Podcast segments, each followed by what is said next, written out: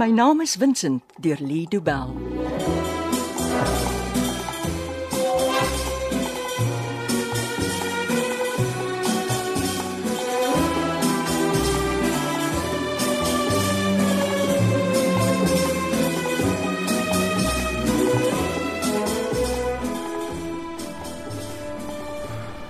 Kom in, Molly.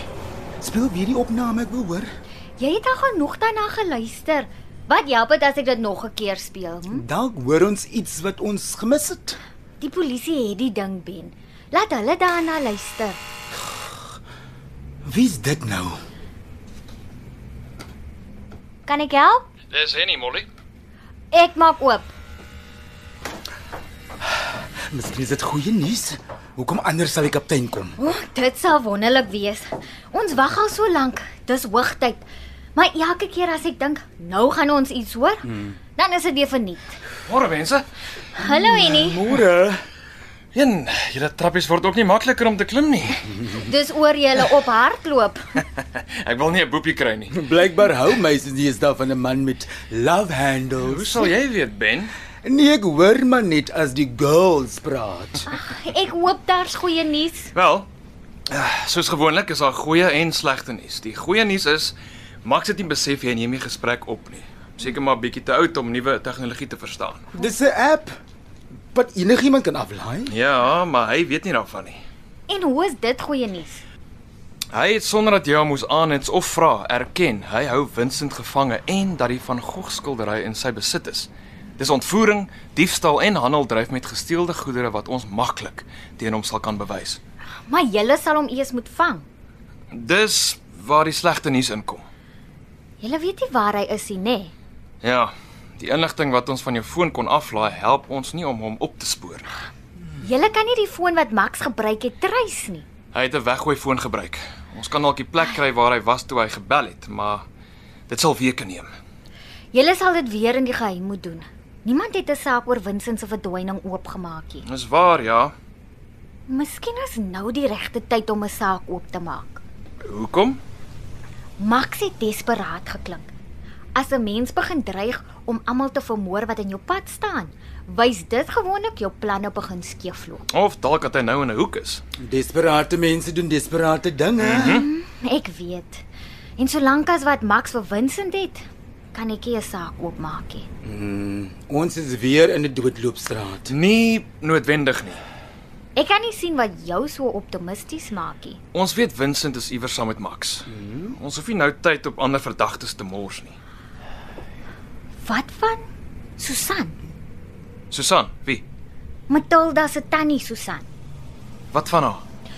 Ons dink sy is die een wat die van Gogs uit die kluiskamer gaan steel het.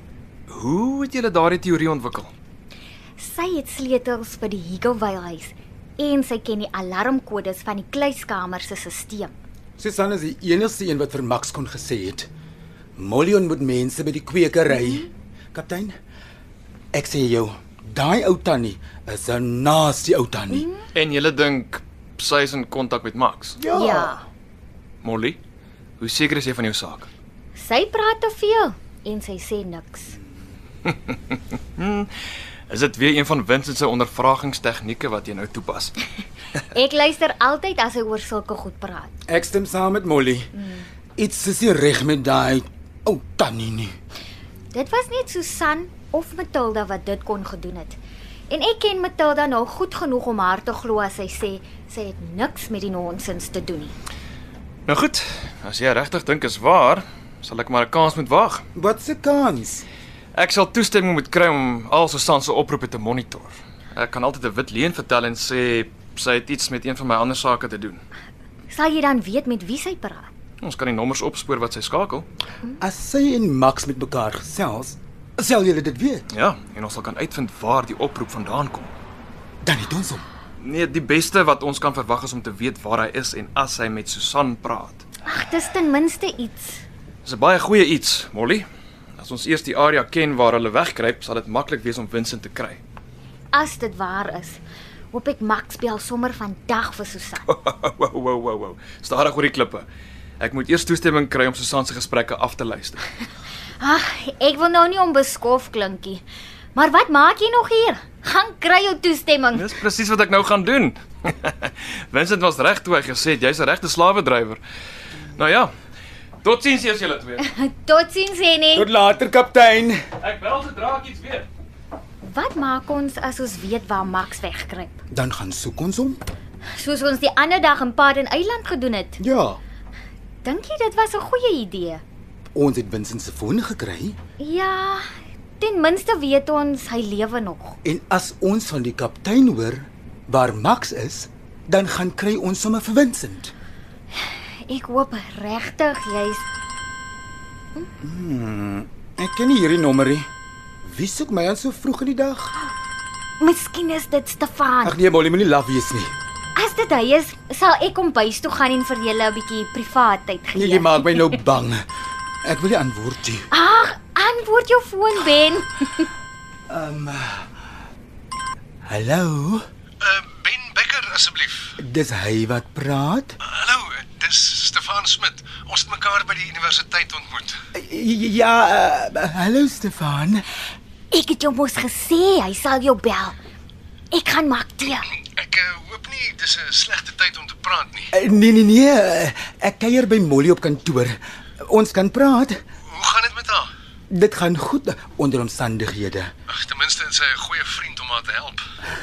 Seker ja. Ehm um, hierdie soort oproep is uh, is altyd 'n moeilike een om te maak.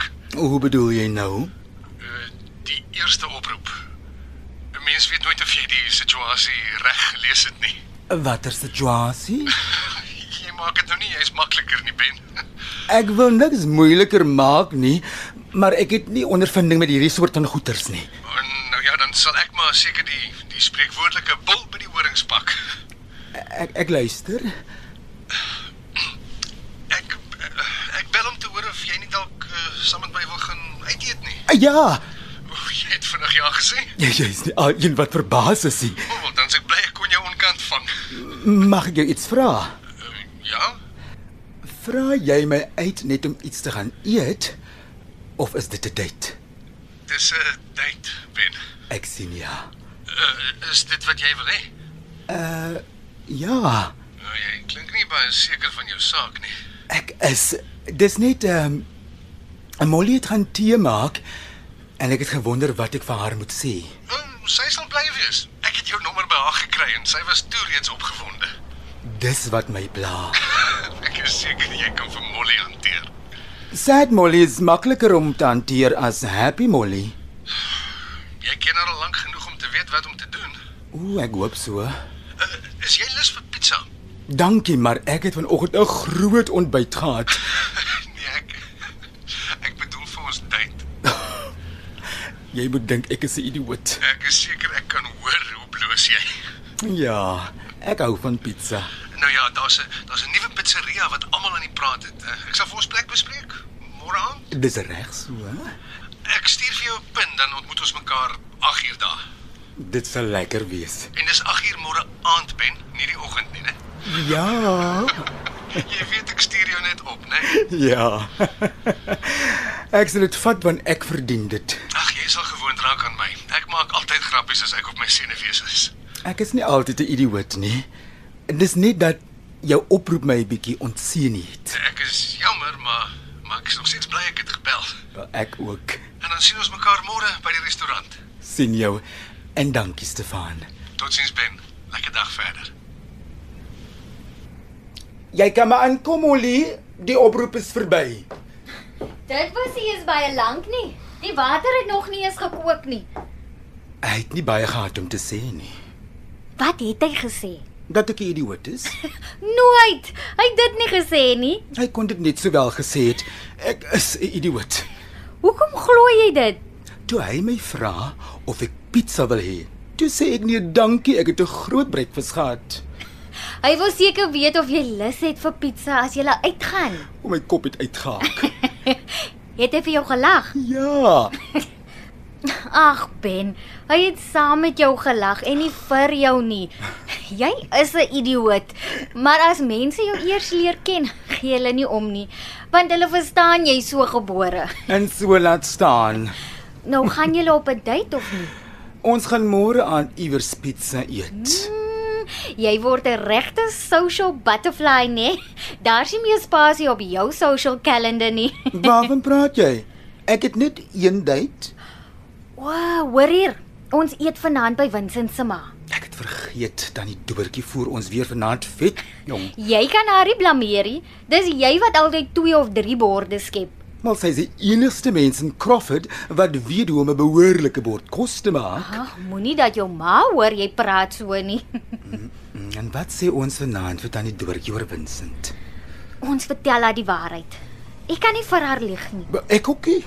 Daar is sekere mense vir wie jy nie in die oë kan kyk en 'n leuen vertel nie. Nou dit gebeur met elke vrou as sy eers 'n ma word. Hulle leuen verklikker antennes groei uit en dan kan jy maar vergeet van stories vertel. My ma se antennes was goed ontwikkel. Mm, Ek en jy het die beste stories uitgedink, maar jou ma het ons elke liewe keer uitgevang. Hoe sy met ons uitgehou het, weet ek nie. O, ons was die stoutste kinders. Ek verlang na haar. Sy was 'n goeie tannie. ja, ma is veel te vroeg weg. Ek sou alles gee vir nog net een dag saam met haar. Ek hoor die ketel fluit vir ons. Bly jy hier in jou kantoor?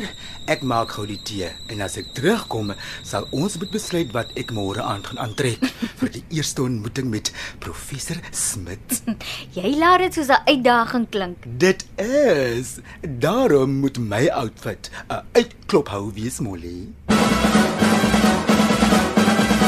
My naam is Vincent deur Lido Bell word opgevoer deur Betty Kemp. Die tegniese versorging is deur Cassie Louers.